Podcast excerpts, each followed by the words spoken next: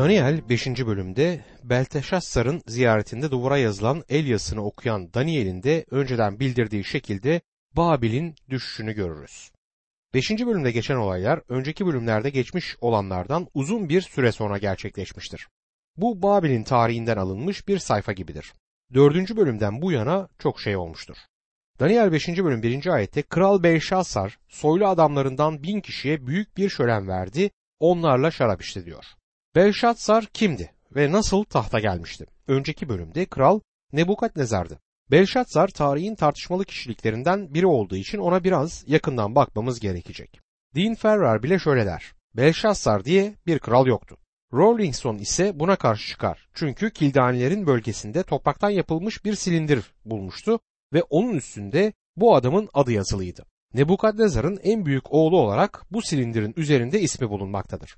Bu onun babasıyla krallığının son günlerinde birlikte zaman geçirdiğini göstermektedir.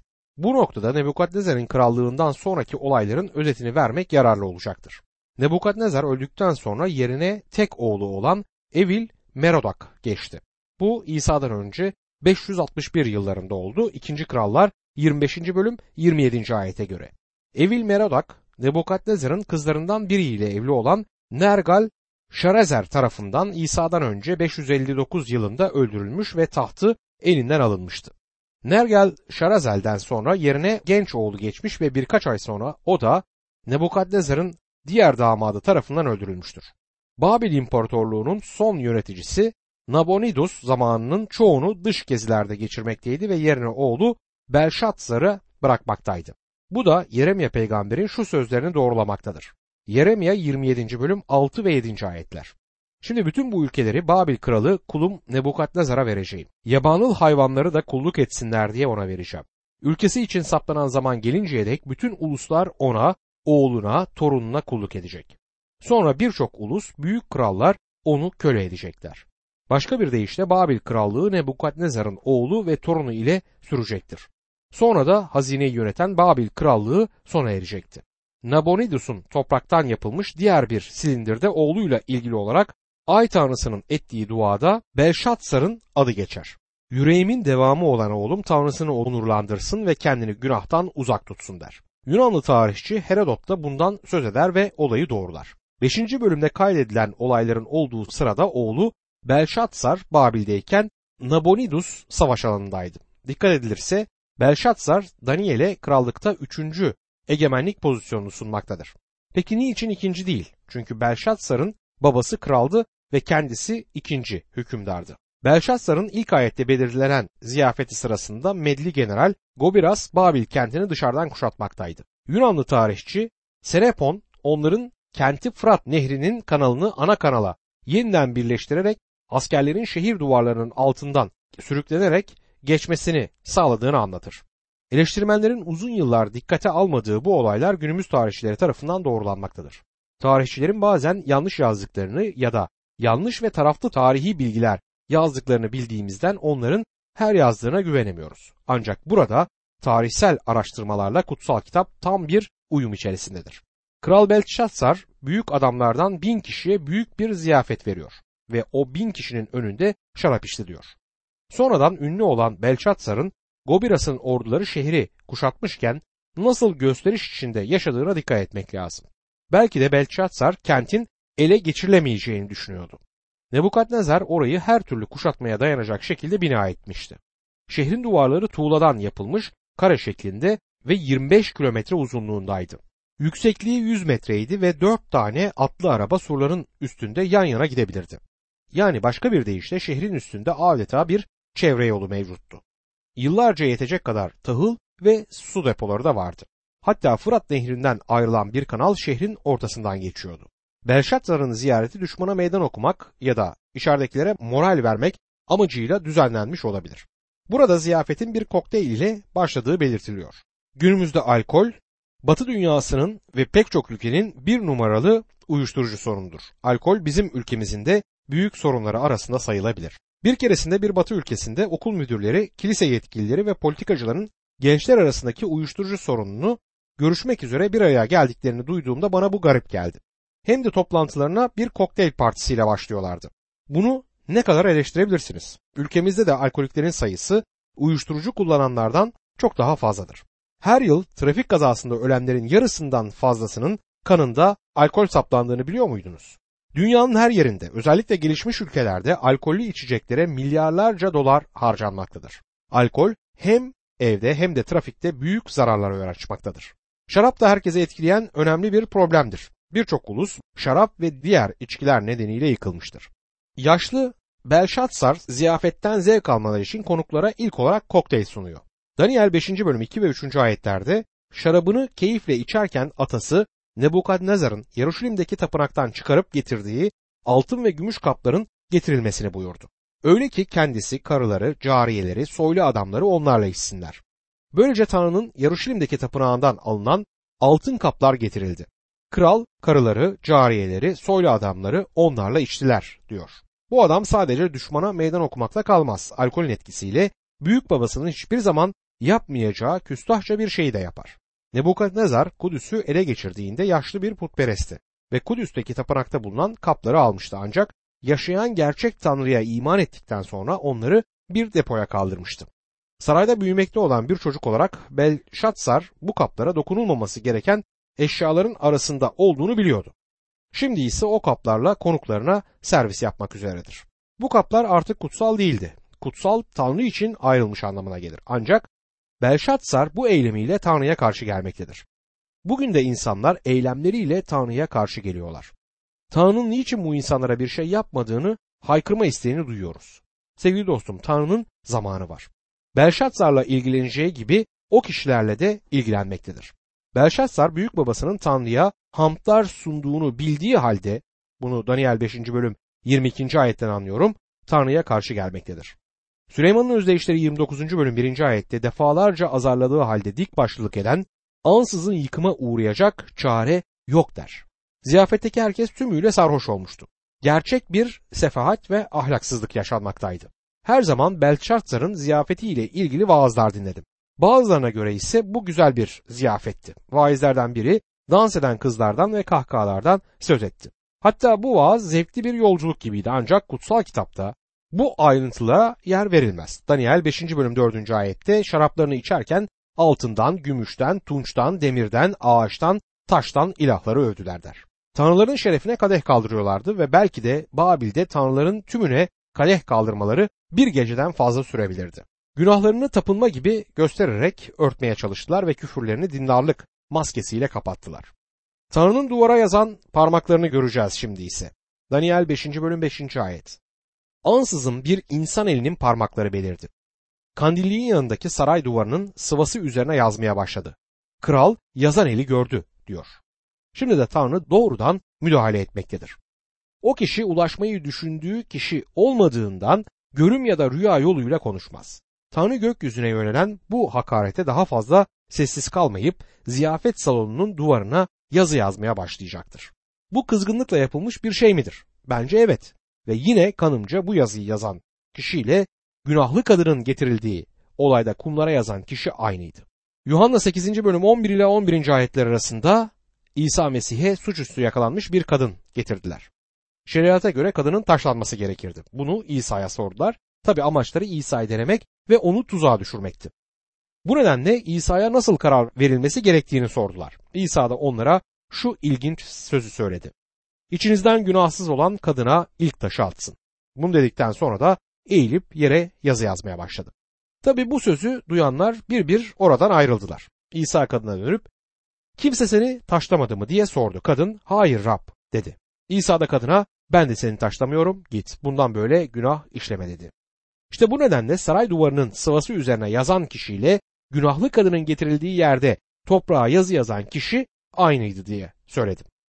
O kadına verilen mesaj bir bağışlama mesajıydı. Burada ise Belşatsar için kötü bir haber veriliyordu. Daniel'in birazdan açıkça belirtileceği gibi cennetin tanrısını dikkate almamıştı. Daniel 5. bölüm 6. ayet. Aklından geçenler onu ürküttü. Benzis oldu. Eli ayağı tutmaz oldu. Dizlerinin bağı çözüldü diyor. Belsaçlar ayakta duramıyordu. Birkaç dakika önce ayakta duramayacak kadar sarhoştu. Şimdi ise birdenbire aklı başına geldi. Ama yine de ayakta duramıyordu. Duvarda gördükleri onu çok korkutuyordu. Daniel 5. bölüm 7. ayette yüksek sesle Babil'in bilginlerini falcılarla yıldız bilimcileri çağırttı. Onlara bu yazıyı kim okuyup ne anlama geldiğini bana açıklarsa kendisine mor giysi giydirip boynuna altın zincir takılacak ve ülkede üçüncü önder olacak dedi. Ödülün ülke içinde üçüncü önder olmak olduğuna dikkat edin. Daniel ne kadar da doğru söylüyor. Bu kitabın yazanın orada Nabonidus'un gerçek kral, Belşazzar'ın ise ikinci kral olduğunu kavramış olması gerek. Şimdi hikmetli adamların el yazısını okuyamamalarının ve Daniel'in çağrıldığını görüyoruz. Daniel 5. bölüm 8. ayet. Kralın bütün bilgileri geldiyse de yazıyı kimse okuyamadı. Ne anlama geldiğini de açıklayamadı. Belşazzar kendini toparlayınca hikmetli adamlar çağrıldı ve yazıyı yorumlamaları istendi. Onlar da değerli ödüller vaat edildiği halde yazıyı çözemediler. Bununla kalmayıp ne yapacaklarını da bilemediler. Bu Babil'in hikmetli adamlarının üçüncü başarısızlığıydı. Üçüncü yenilgi bazı oyunlarda son anlama gelir. Belki onlar da bunun sonunda işten atılmışlardır. Daniel 5. bölüm 9. ayet. Bu yüzden kral Belşassar daha da korktu. Benzi büsbütün soldu. Soylu adamları ise şaşkındı diyor. Ziyafet salonundaki şaşkınlığı hayal edebilirsiniz. Birkaç dakika önce hepsi sarhoştu ve kahkahalar atıyordu. Şimdi ise bir şaşkınlık hakimdi. Daniel 5. bölüm 10. ayet. Kralla soyluların seslerini duyan kraliçe şölen salonuna geldi. Çok yaşa ey kral dedi. Aklından geçenler seni ürkütmesin, benzin solmasın. Buradaki kraliçe Nebukadnezar'ın eşi olan ana kraliçedir. Ziyafette olanları duymuş, kralla konuşmaya gelmişti. Daniel 5. bölüm 11. ayette ülkende kendisinde kutsal ilahların ruhu bulunan biri var. Atan kral Nebukadnezar'ın döneminde kavrayışa, sağduyuya, ilahlara özgü bilgeliğe sahip olmakla tanınırdı. Atan kral Nebukadnezar onu sihirbazların, yıldız bilimcilerin, falcıların başkanlığına atadı diyor bu kraliçe. Baban kral Nebukadnezar. İlişkiler tek bir sözcükte ifade edilmiştir. O nedenle baba, dede, dedenin dedesi gibi anlamlara buradaki baban gelebilir.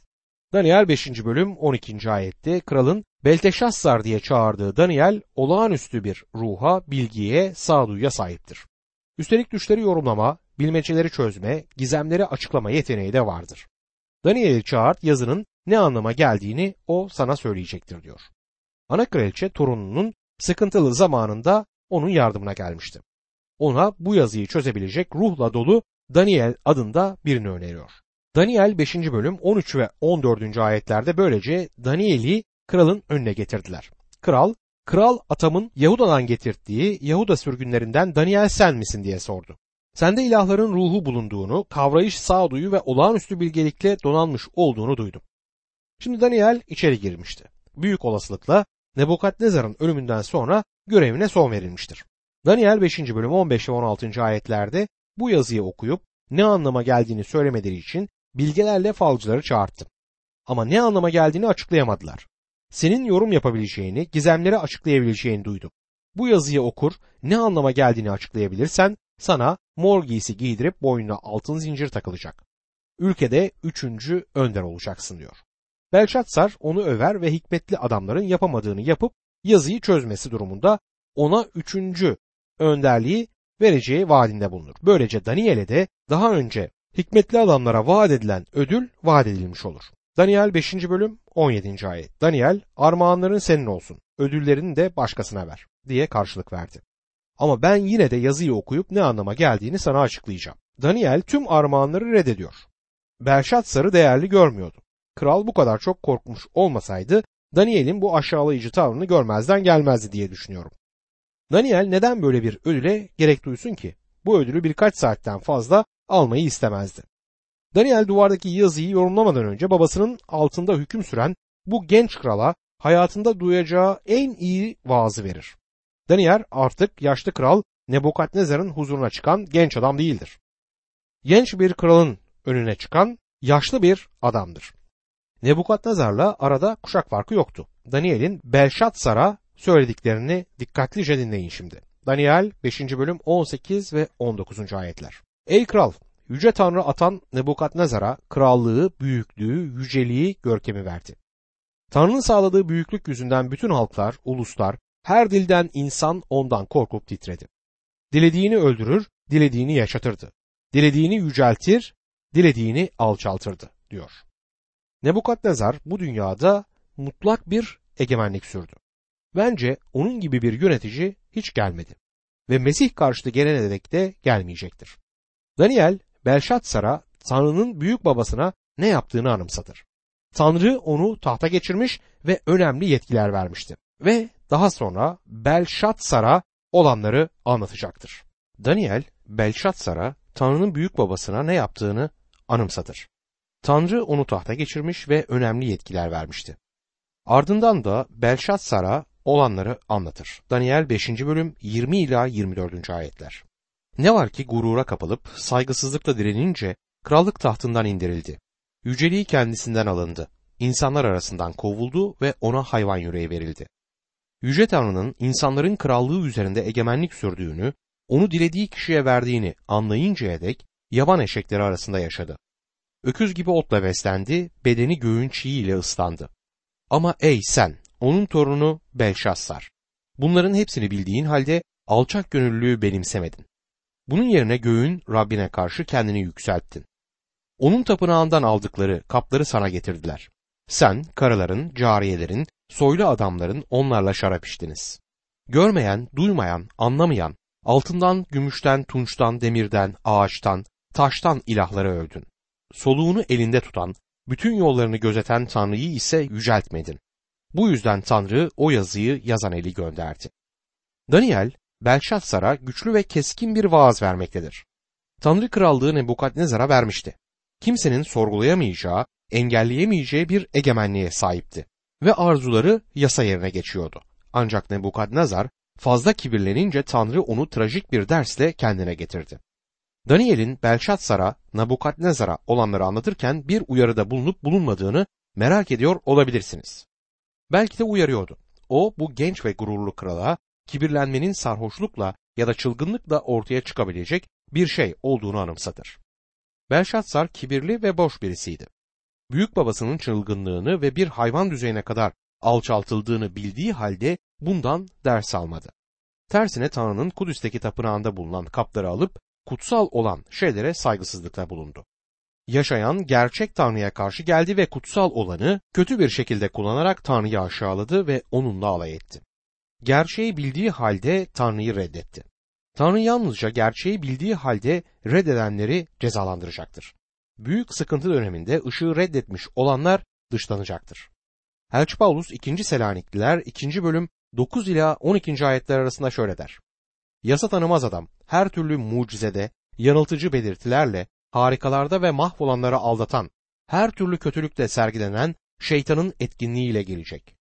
Mahvolanlar gerçeği sevmeye ve böylece kurtulmaya yanaşmadıklarından mahvoluyorlar. İşte bu nedenle Tanrı yalana kanmaları için onların üzerine yanıltıcı bir güç gönderiyor. Öyle ki gerçeğe inanmayan ve kötülükten hoşlananların hepsi yargılansın. Daniel, Belşatsar'a ve daha sonra Elçi da doğruladığı Tanrı'nın dikkate aldığı ilkeyi anlatır. Rab İsa da bunu şu sözleriyle açıklamıştır. Yuhanna 5. bölüm 43. ayet. Ben babamın adına geldim ama beni kabul etmiyorsunuz. Oysa başka birisi kendi adına gelirse onu kabul edeceksiniz. Nebukadnezar dünyanın son büyük yöneticisi olacak olan Mesih karşıtının bir resmini oluşturmaktadır. Ve Daniel bu yazıyı açıklayarak devam eder. Daniel 5. bölüm 25 ve 26. ayetler. Yazılan yazı şudur. Mene mene tekel ve parsin. Bu sözcüklerin anlamı şudur. Mene, Tanrı senin krallığının günlerini saydı ve ona son verdi. Mene sayılan anlamına gelir. Mene bir başka deyişle sayı demektir. İki kez söylenmektedir. Tanrı'nın Babil krallığını saydığı anlamına gelir. Bugün sık kullandığımız bir deyim var. Günleri tükendi. Burada da kastedilen işte bu deyimde işaret edilen noktadır. 90. mezmur 12. ayette bu yüzden günlerimizi saymayı bize öğret ki bilgelik kazanalım der. Günlerimizin sayısını ne zaman öleceğimizi yalnızca Tanrı bilir. Uçağa binmemiş genç bir adamı arkadaşları bir şehre uçakla gitmesi için cesaretlendirmeye çalışıyorlardı. Uçağın düşebileceği korkusuyla bu kişi gitmek istemiyordu. Arkadaşları ona şöyle söyledi. Günlerin tükenmişse uçakta olsan da olmasan da fark etmez. Genç adam da şöyle yanıtladı. Asıl korktuğum benim günlerimin tükenmiş olması değil de pilotun günlerinin tükenmiş olması. Onun günleri tükenmişse onun kullandığı uçakta olmayı istemem. Mene mene Tanrı'nın Babil krallığının günlerini saymış olduğu anlamına gelir. O her günü ve her anı izlemektedir. Günlerimizin sayısını önceden belirtmiştir. Biz bunu değiştiremeyiz. Daniel 5. bölüm 27. ayette ise tekel diyor. Tekel terazide tartıldın ve eksik bulundun anlamına gelir. Tekel ağırlık anlamındadır. Babil tanrısal terazide tartılmış ve eksik bulunmuştur.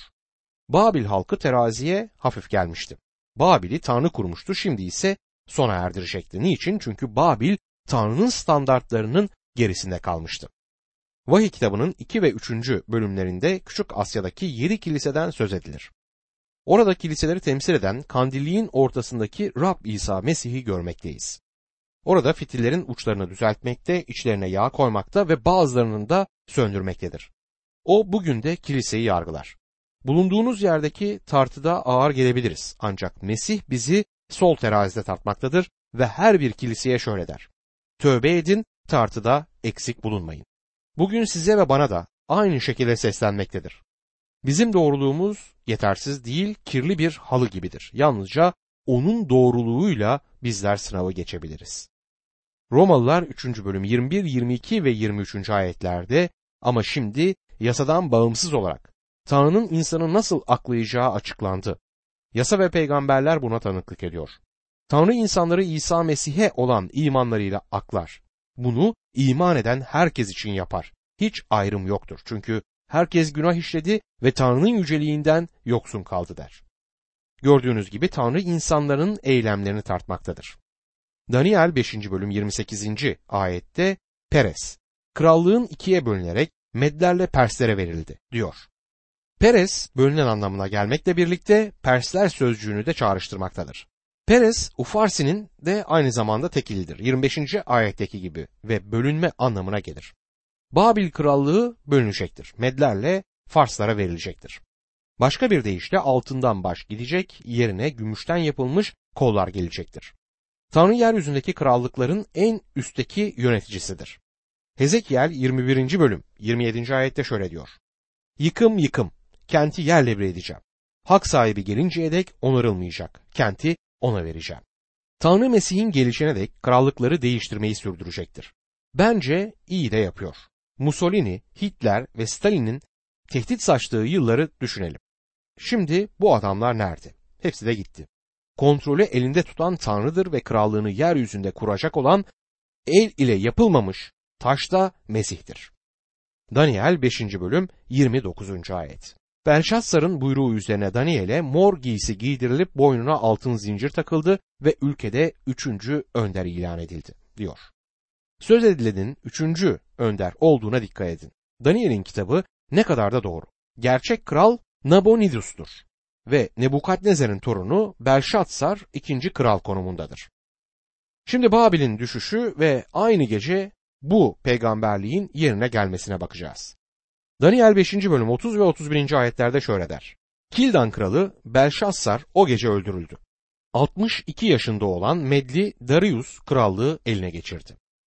Ziyafetin verildiği sırada Medler Babil duvarlarının altında kanalların yanında yürümekteydi. Daha önce de belirttiğim gibi şehrin duvarının altında şehre su getiren bir kanal vardı. Şimdi ise su kesilmişti. Fırat ırmağına bu su yönlendirilmişti. Gobiras ordusunu saraya doğru ilerletmekteydi. Tarihsel belgeler gardiyanların düşmanın şehrin içinde olduğunu fark etmediğini yazar. Yunanlı tarihçi Senapuan, Farsların şehri nasıl ele geçirdiğini ayrıntılı bir şekilde kaydetmiştir. Ve Belşatsar öldürüldü, tartılmış ve eksik bulunmuştu. Tanrı kendi terazisini ve standartlarını kullanarak bunu yapar. O sana ve bana da şöyle sesleniyor herkes günah işledi ve Tanrı'nın yüceliğinden yoksun kaldı. Hiçbirimiz mükemmel değiliz ve Tanrı'nın standartlarına ulaşamayız. Bugün sınanır durumda değiliz. Kaybolmuş durumdayız ve Tanrı bize kurtuluş sunmaktadır. Belşassar Tanrı'yı reddetti ve artık yaşamıyor. Gümüş krallığın başına Medli Darius gelmiştir. Aniden saldırıp Babil'i yok etti. Yaşaya Babil'in düşüşünü öngörmüştü ve bunu 21. bölümde belirtir.